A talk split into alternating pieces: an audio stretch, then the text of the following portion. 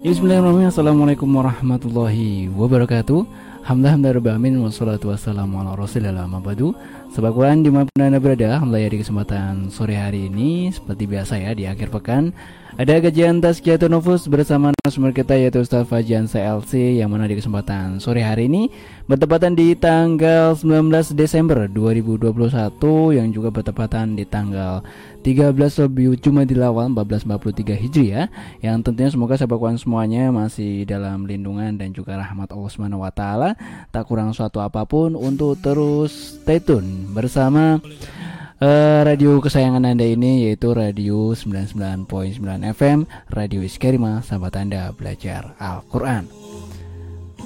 Dan tentunya sahabat kawan semuanya, buat sahabat kawan semuanya yang pengen gabung di kesempatan hari ini, jangan lupa langsung saja bisa bergabung di line teleponnya di 02716980010 untuk uh, by phone-nya.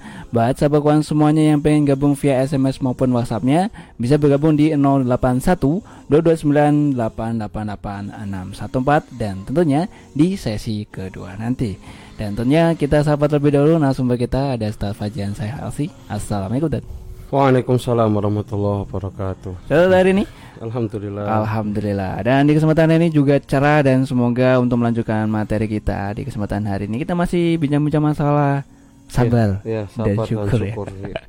nah buat teman semuanya yang kemarin sudah stay tune ya sampai di hari awal dan mungkin juga bisa melanjutkan lagi atau mungkin pertanyaan-pertanyaan yang belum sempat dikirim bisa nanti langsung dikirim dari sekarang yaitu di 081229888614 dan untuk menyingkat waktu lagi kita persilakan beliau untuk memulai materinya di kesempatan hari ini tawadol Baik, Bismillahirrahmanirrahim. Jazakallah khairan Mas Andi atas waktunya.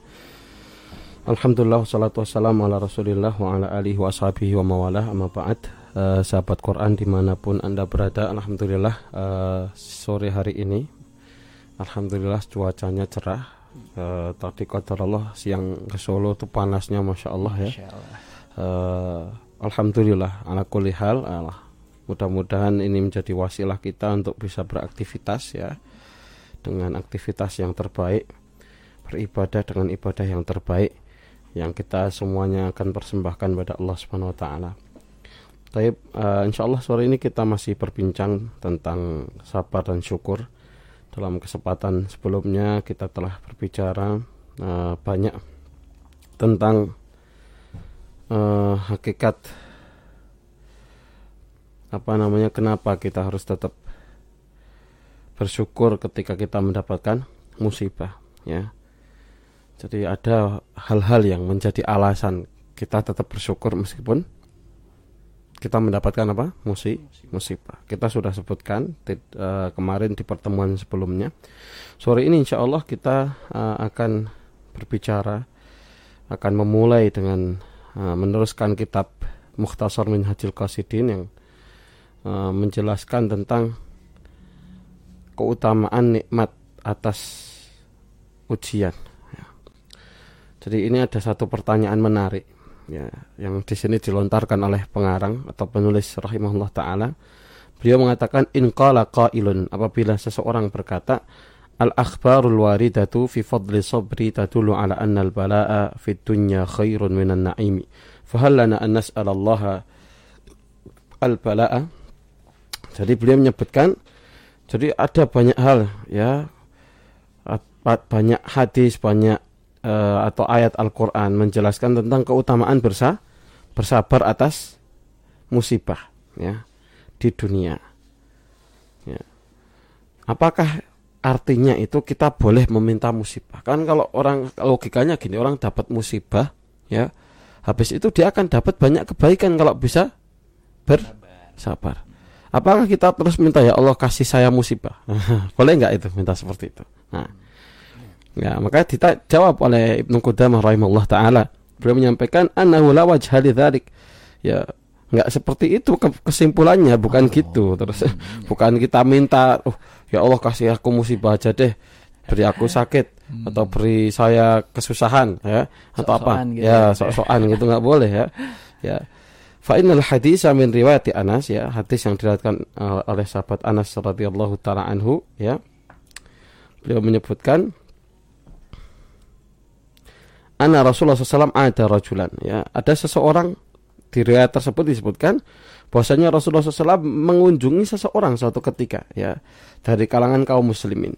Seorang mislal farah ya yang dia sudah uh, apa namanya kayak burung kecil yang sudah nggak nggak punya apa namanya ya, kurus nggak kurus fakal Rasulullah SAW eh, uh, oh kamu kok keadaannya gini? Maksudnya nggak uh, mesake gitu loh delok kayak kayak wah kayaknya nggak pernah seneng terus ini.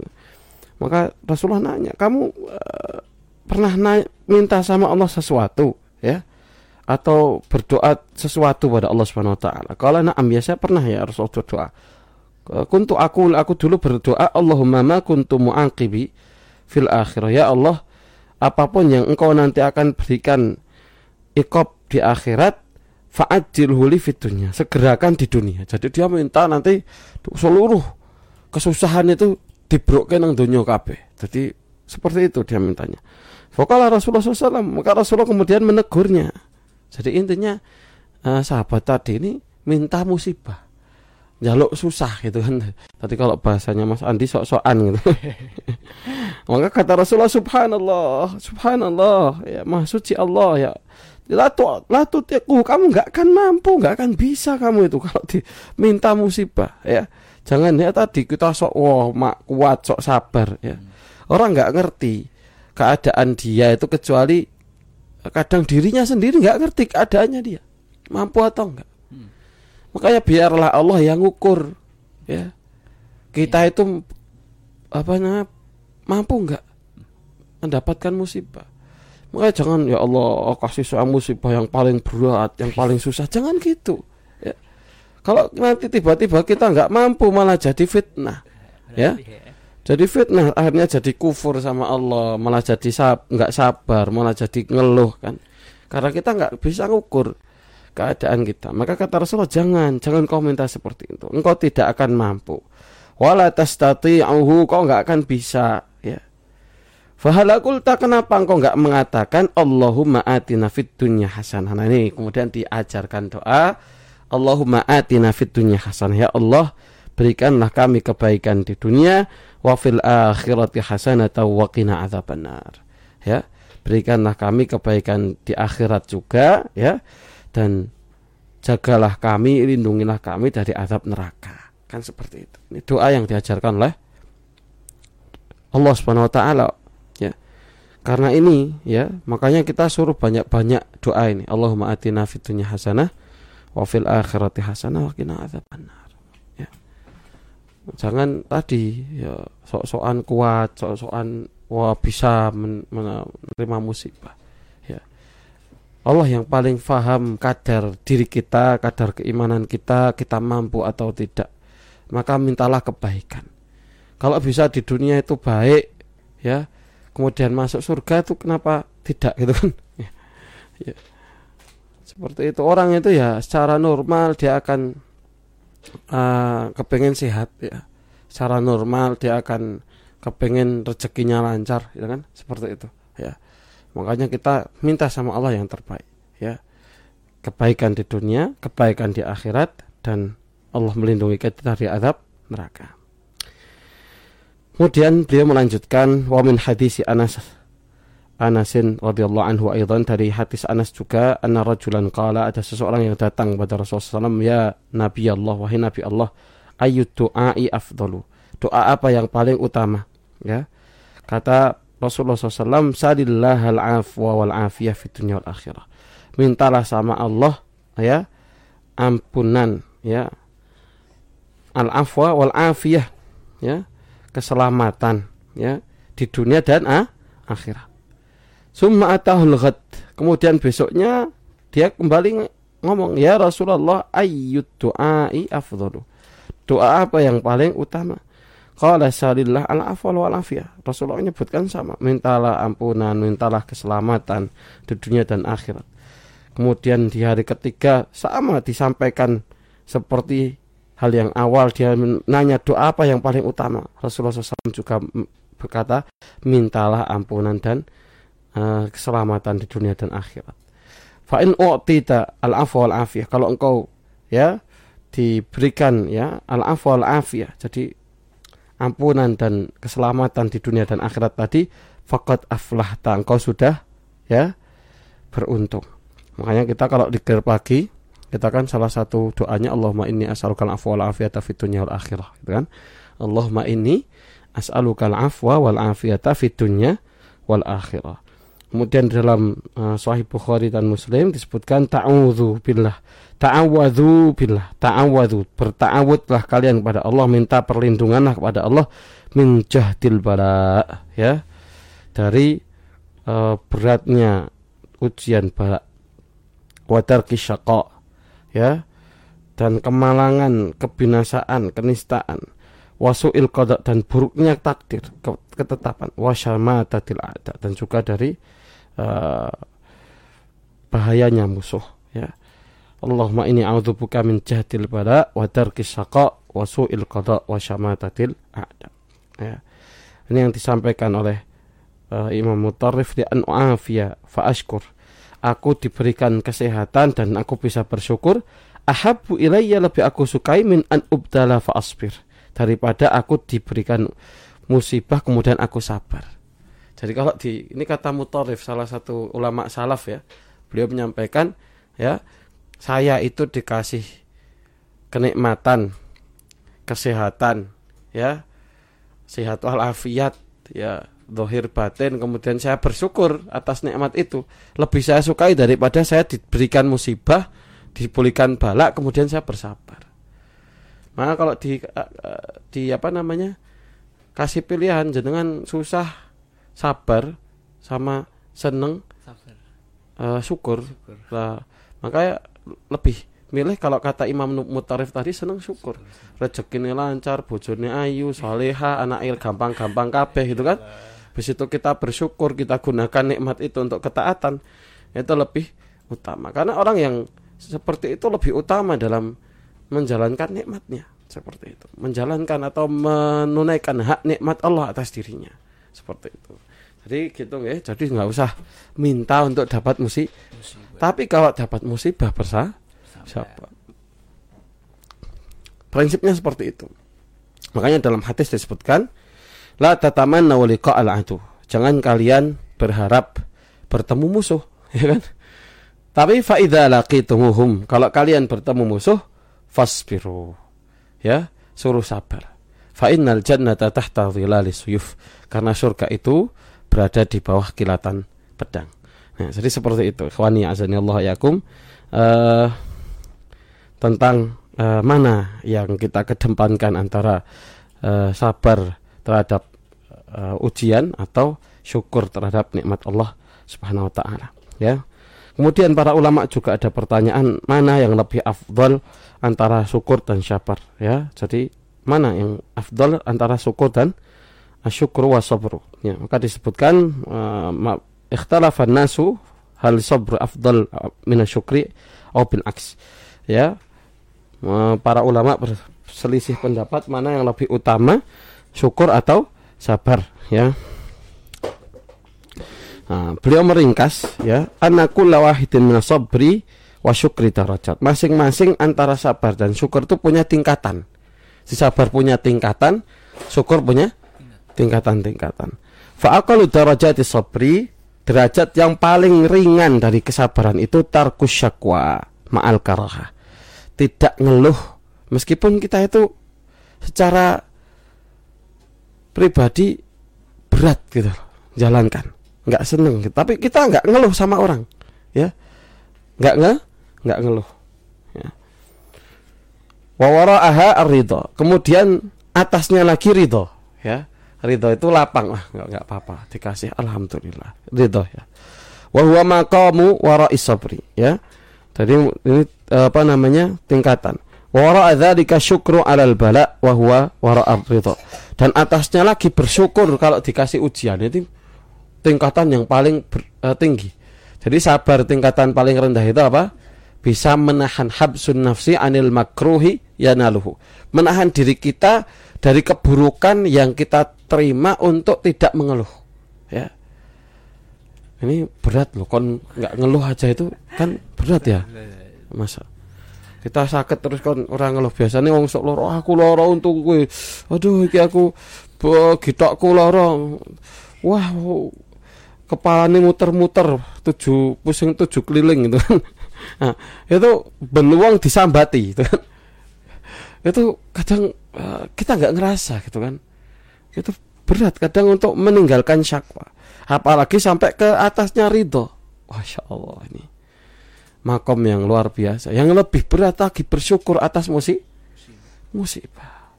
Orang dapat musibah malah seneng ya. ya memang kalau kita bicara ranah teori gini gampang sekali ngomong wah eh gampang banget gitu.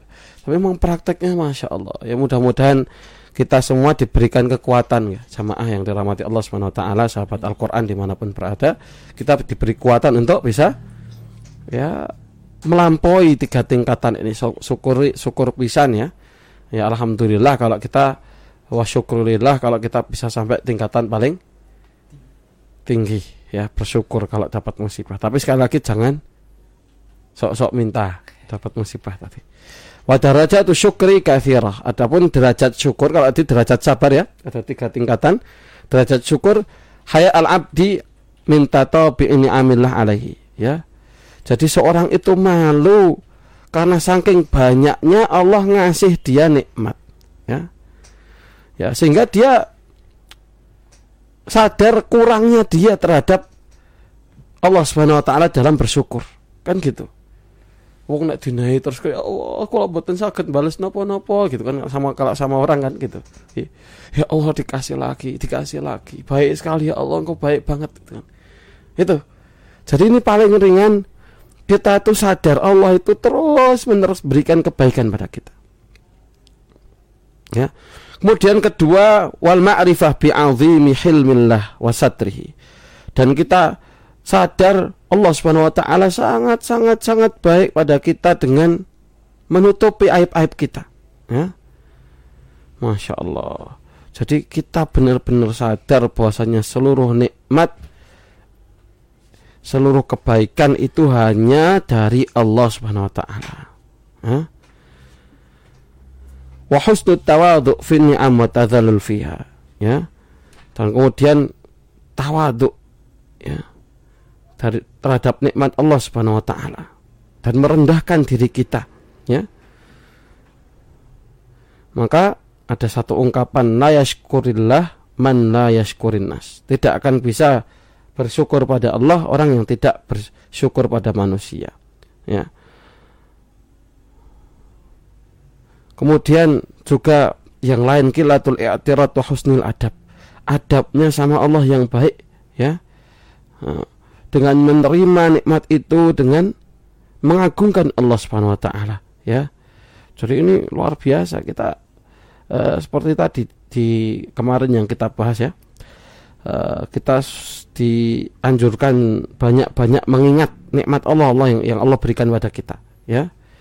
Jadi kita banyak ingat betapa banyaknya ya asar-asar bekas-bekas nikmat Allah yang Allah masih terus kucurkan pada kita ya jadi eh, maka disebutkan di sini idza udhifa sabru ila syukri alladhi huwa sarful mal ila ta'ah fa syukru afdal. Kalau seandainya sabar itu ditambahkan uh, pada syukur yang artinya adalah apa? memakai harta kita untuk taat kepada Allah maka syukur itu afdal ya karena kita ketika lepas harta itu sabar juga ya kan jadi ada sabar ada nilai syukurnya orang punya duit banyak 5 juta umpamanya dilep pas untuk infak 3 juta. Kan dia bersyukur atas nikmat dengan dia memberikan, tapi sabar juga dengan kurangnya harta dia.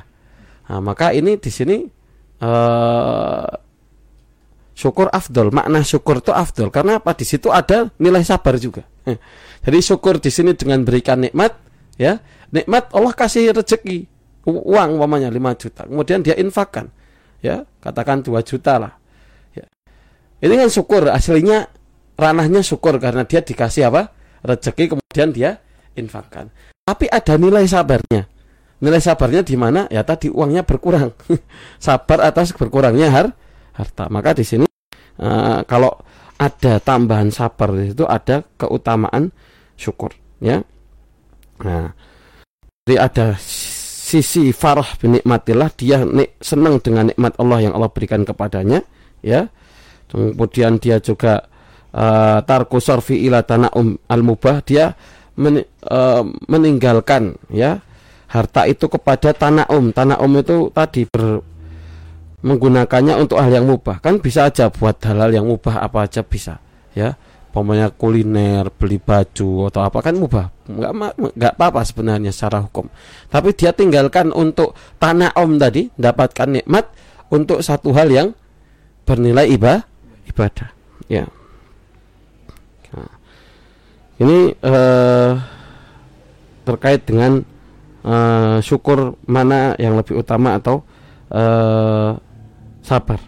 Wa ma idza kana syukrul mal la alla yasta'ina bi ala ma'siyah bal yasrifu ila tana'um al mubah fasabru huna afdal min syukri. Adapun syukur harta itu kalau diartikan ya di, tidak digunakan harta itu untuk maksiat ya. Kalau tadi uh, di, dia infakkan ya berikan untuk orang lain diinfakkan dengan dalam uh, sebagai bentuk rasa syukur dia kepada Allah. Kalau di sini ditahan harta itu supaya tidak digunakan untuk maksiat. Buat judi, buat apa namanya? Uh, ya maksiat lah hal-hal yang maksiat banyak banget itu kalau disebutkan ya ya karena dia tahan hartanya itu supaya tidak apa tidak pergi untuk maksiat ya uh, maka disebutkan di sini bal yasrifu ila tana'um al mubah tapi dia sampaikan daripada maksiat saya gunakan untuk hal-hal yang tanah om. Tanah om itu mendapatkan nikmat meskipun mubah. Jadi ngumangan sing enak ya. Ora tuku klambi gitu kan beli baju ya. Meski, dia beli baju udah ada baju beli baju. Kemudian apa namanya buat wisata umpamanya. Mubah ya. Sama keluarga umpamanya ngunjungi ya kerojokan sewu atau kalau di sini ya atau yang lain sebagainya kan mubah itu ya. Iya. ya. Lebih uh, baik mana? Maka di sini lebih bagus sabar karena uh, tadi ada potensi seorang untuk jatuh kepada mak maksiat ya. Ya, jadi seorang yang fakir, yang sabar lebih utama daripada orang yang dia nyekeli hartanya ya, untuk hal-hal yang mubah. Jadi kalau ditanya ya seorang yang punya duit ya kemudian dia bisa bersyukur dengan menginfakannya ya sama orang yang nggak punya duit sabar lebih utama mana ya yang sabar nggak punya duit atau yang punya duit tapi bisa menginfakkan. Maka dalam hal ini lebih utama mana? Yang kedua. Yang pertama, yang memberikan tadi. Memberikan itu. Yang menginfakkan. Karena tadi saya kita sebutkan, dia menginfakkan itu juga ada sabarnya. Sabar dengan kehilangan duit. Atau kalau yang kedua, ada keadaan yang kedua tadi. Seorang dia punya duit. Dia nggak infakkan, dia sabar untuk tidak maksiat, tapi dia gunakan untuk tanah om tadi bernikmat-nikmat hmm. dalam hal yang mubah. Ya, tadi kita contohkan buat rekreasi buat apa makan enak gitu kan mubah Senang, ya. ya cuma nggak maksiat nggak ada nilai maksiatnya. Lebih utama mana dengan orang yang tadi? Fakir miskin nggak punya uang kemudian dia sabar. Maka lebih utama yang kedua. Fakir yang sah sabar. Jadi dilihat kondisionalnya. Lebih utama sabar atau syukur itu dilihat mana? Kondisionalnya. Dia apa namanya keadaannya seperti apa. Kalau dia punya duit kemudian dia infakkan, dia wah support kebaikan, maka lebih utama yang punya duit. Maka disebutkan nikma alma fiyati rajulin soleh sebaik-baik harta itu kalau kalau di tangannya orang so soleh. Sebaik-baik harta kalau dipegang oleh orang yang soleh. Jadinya jadi banyak kebaikan di situ. Ya. Ya. beda kalau orang punya harta tapi tadi. Ya maksiat enggak. Cuma ya tadi cuma buat ya hal-hal yang ya makan minum. Pribadi gitu ya. ah, ya ya tanah oh, mubah. Sebenarnya mubah nggak bukan dosa seperti itu. Tapi nggak boleh gitu. ya ya maka lebih utama tadi yang nggak punya duit tapi sah sabar. Allah taala alam ini pembahasan tentang sabar dan syukur. Insya Allah sudah selesai sore ini. Dan insya Allah ke pertemuan selanjutnya kita akan masuk di bab yang baru yaitu kita berlajak wal khauf tentang harapan dan rasa takut. Barakallahu fikum. Saya kembalikan kepada Mas Andi. Ya. Ya itu tadi sahabat kawan semuanya eh, sudah kita dengarkan materi tentang sabar dan syukur di sesi-sesi terakhir ya. Nah tentunya buat sahabat kawan semuanya ini yang masih sabar dan tetap stay tune di 99.9 FM. Tentunya masih ada rasa syukurnya ya karena bisa menikmati, bisa mendengarkan dan tentunya bisa menikmati saat ini mungkin lagi kumpul bareng sambil dengerin Tolabul Ilmi gitu ya di 99.9 FM. Nah, tentu buat sahabat semuanya ada sesi kedua nih buat sahabat semuanya yang pengen gabung atau pengen tanya-tanya nih berkaitan sifat sabar itu sendiri dan juga rasa syukur itu dalam apalagi masalah ujian gitu ya. Ujian kadang sabar dan syukur kadang syukur, kadang sabar, kadang nggak syukur, kadang nggak sabar ya gitu ya. Jadi langsung saja bisa bergabung di 081229888614 buat untuk SMS dan juga WhatsAppnya. Bagi sahabat kawan yang pengen gabung via telepon langsung saja ya di 02716980010 dan sambil menunggu eh, pertanyaan dari sahabat kawan semuanya kita jeda yang berikut ini tetap di Tazkiyatun Nufus bersama Ustaz Fadjan Sasi di 99.9 FM Radio Sekarima Sahabat Anda Belajar Al-Quran. Baik sahabat semuanya di mana pun Anda berada Kita kembali lagi ya di sesi kedua di Tazkiyatun Nufus ah, bersama Ustaz Fadjan Sasi.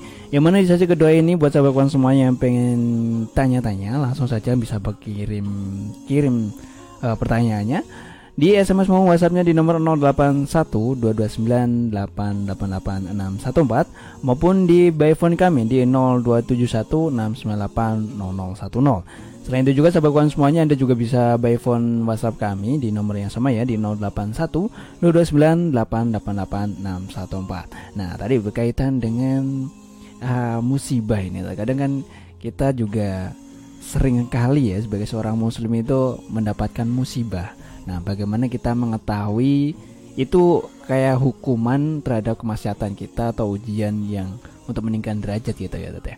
Hmm, tapi sebelum dijawab ini, Tat, kita sahabat terlebih dahulu ada pendengar kita di Sukoharjo ada Pak Harno.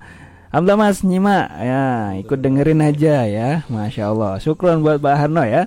Kemudian ada Bunda Ida di Klego. Alhamdulillah ya bisa bergabung ya. Ini Bunda Ida Klego. Klik Kleko, Kleko apa Kleko? itu Boyolali kalau nggak salah ya. Kleko. Hmm, ya. Lu- Oh, lupa. kalau ada telepon kita angkat Iya, dulu ya, ya. ya, pertanyaan dipending lagi nih. Oke. Baik, Assalamualaikum. Assalamualaikum warahmatullahi wabarakatuh. Waalaikumsalam warahmatullahi wabarakatuh. Masya Allah. Ya, sama Ustaz. Ji, dengan Mas Mas. eh, Ya, Mas Manu Giri. Julianto di Ngemplak. Oh, beda. Mas siapa? Julianto di Ngemplak. Oh, Mas Julianto, Julianto. di. Mas Monggo, Julianto. Mas Julianto Iya. dengan penanya. Ya, izin bertanya Ustaz. Ini di luar monggo. tema. Mau tanya kalau sholat eh, itu sholat itu seumpama rambutnya panjang, Hmm. menutupi kening itu sholatnya sah tidak ya? Oke. Apakah harus pakai eh, Peci, peci atau sorban ya. gitu? Hmm. Eh, mohon dalil dari Al-Quran sama Al-Hadis ya hmm, Ustaz. Baik. Hmm. Ada lagi? Ya, Oke. Eh, sudah cukup. Ya, sudah ya, insya. Allah. Baik, ji, syukron. Assalamualaikum. Waalaikumsalam warahmatullahi wabarakatuh. Eh, Ya, Mas pertanyaannya? Mas Julianto. Julianto di Hmm. ngemplak ya. Dan tadi pertanyaannya berkaitan dengan masalah sholat ini, ta. Terus terkait um, mm, rambutnya itu kadang Sekali lagi nih fikih eh mampu-mampu fikih ini ta.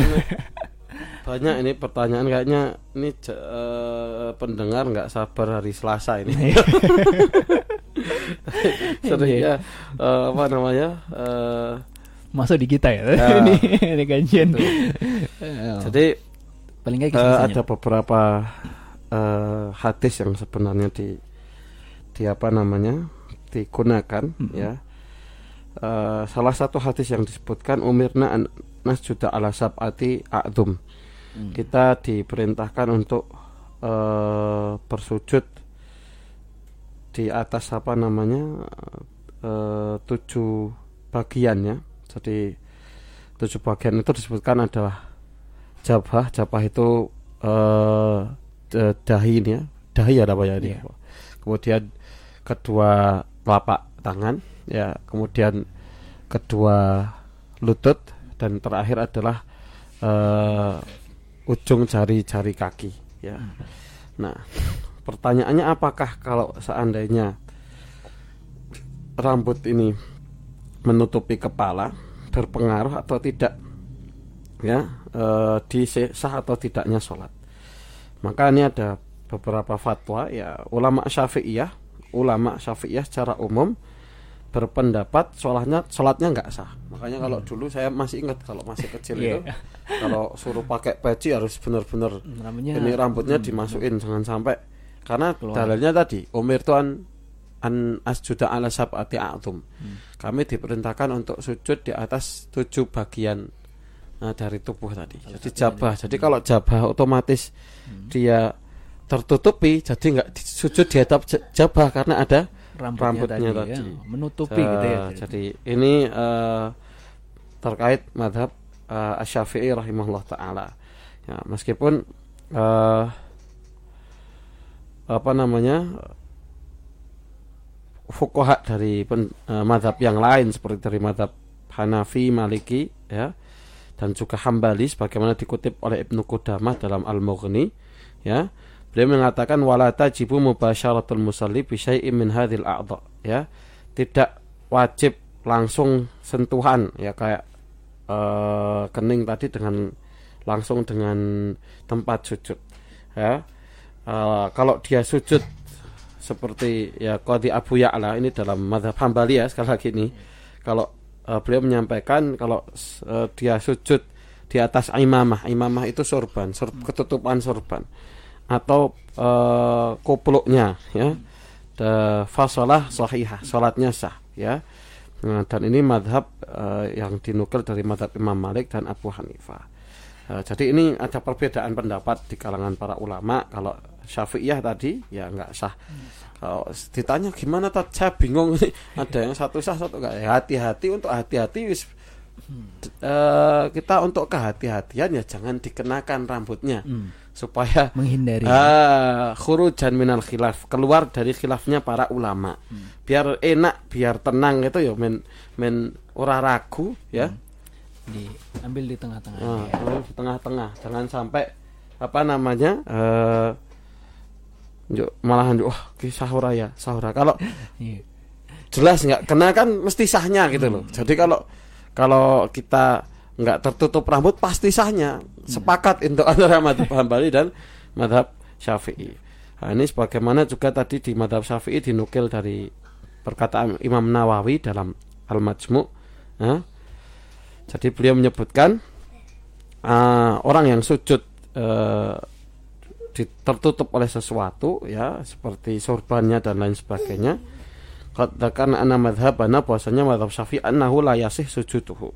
Sah sujudnya enggak sah. Ala syai'in min dalik ya. Dan ini yang dibawa oleh imam ah, pendapat ah, madhab syafi'i ya. Dan ah, sekali lagi jalan keluarnya seperti apa ya? Untuk kehati-hatian mendingan kita jaga.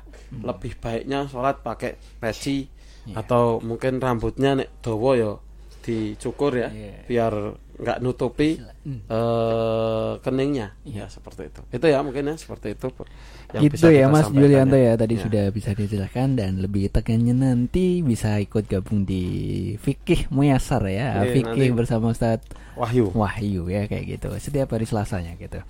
Nah baik kita ada penelpon dari WhatsApp ini Tata. Baik kita terima dulu. Assalamualaikum Halo assalamualaikum.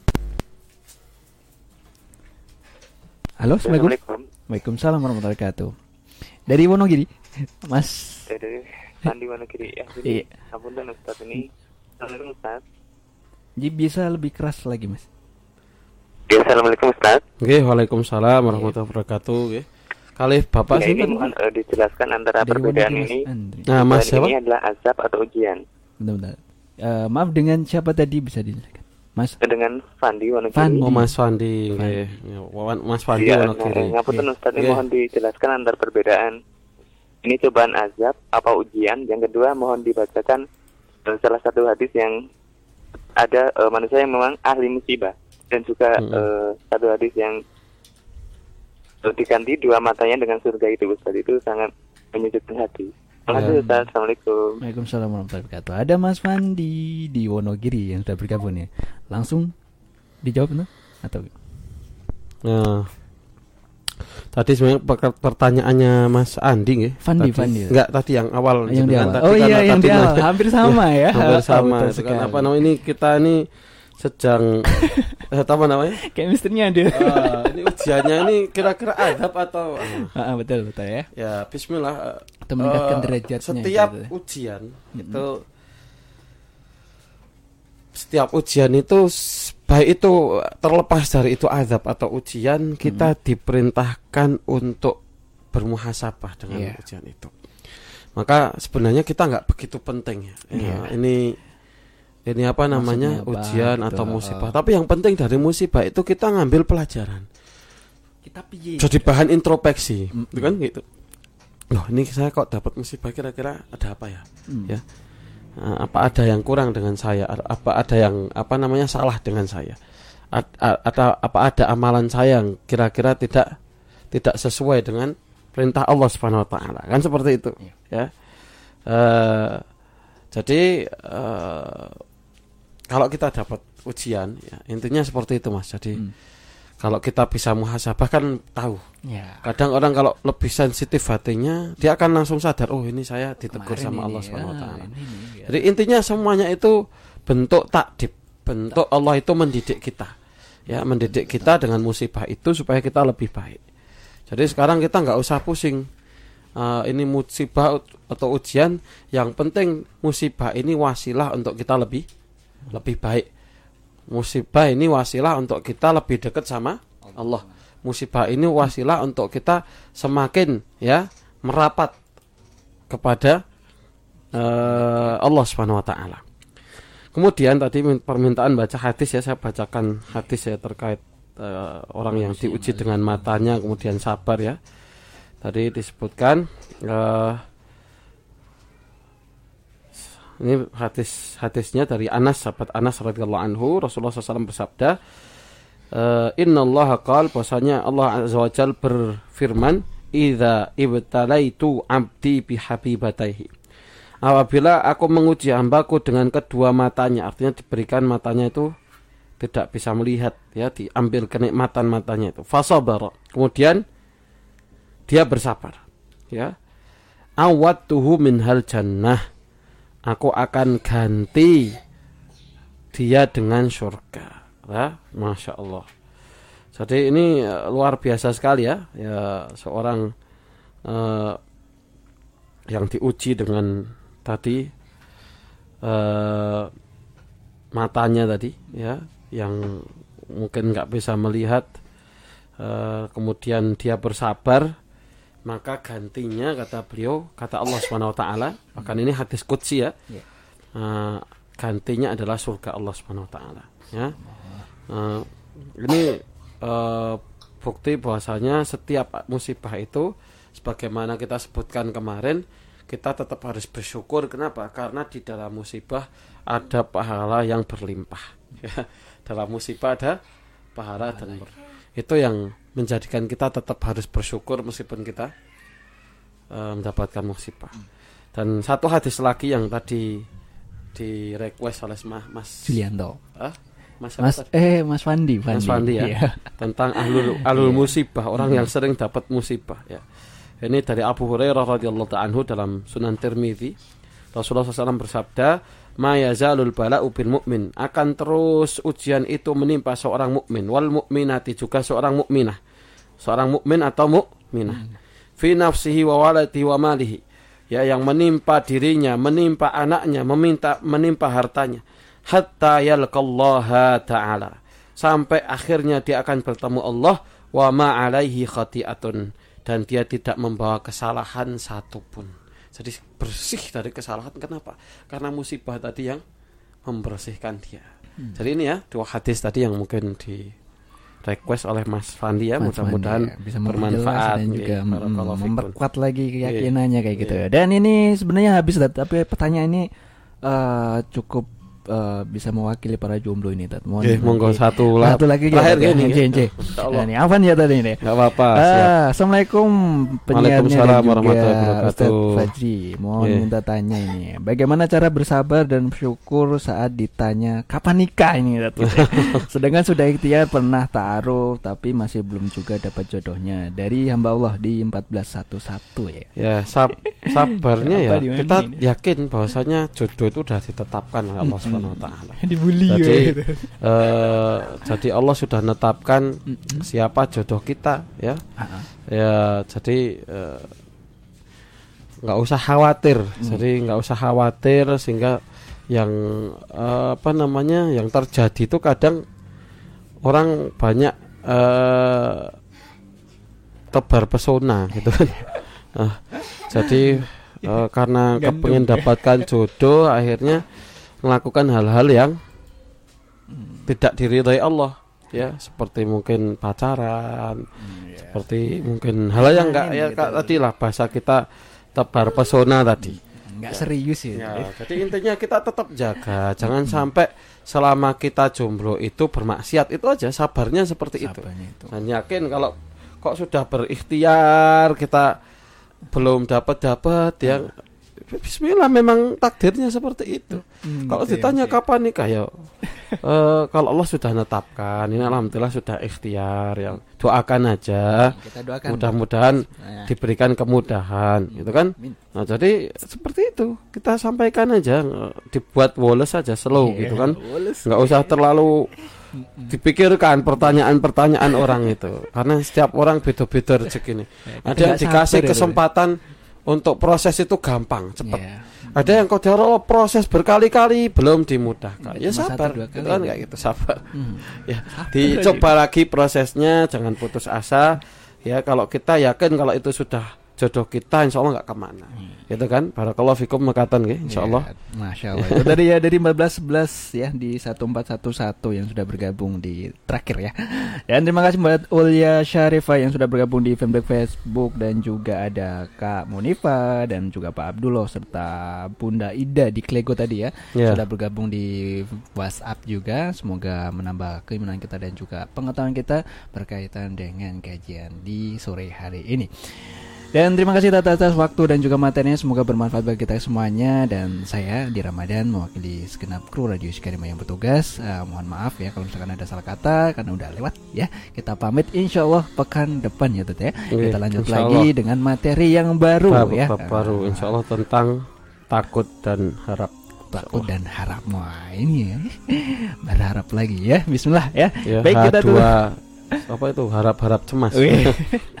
Wah ini judul lagi nih Tut. Baik teman-teman semuanya terima kasih atas kebersamaannya dan mohon maaf atas segala khilaf. Akhirnya saya di Ramadan Eh, kita tutup dengan hamdalah dan doa kafatul majlis. Alhamdulillahirabbil Subhanakallahumma wa bihamdika asyhadu an la ilaha illa. Wassalamualaikum warahmatullahi wabarakatuh.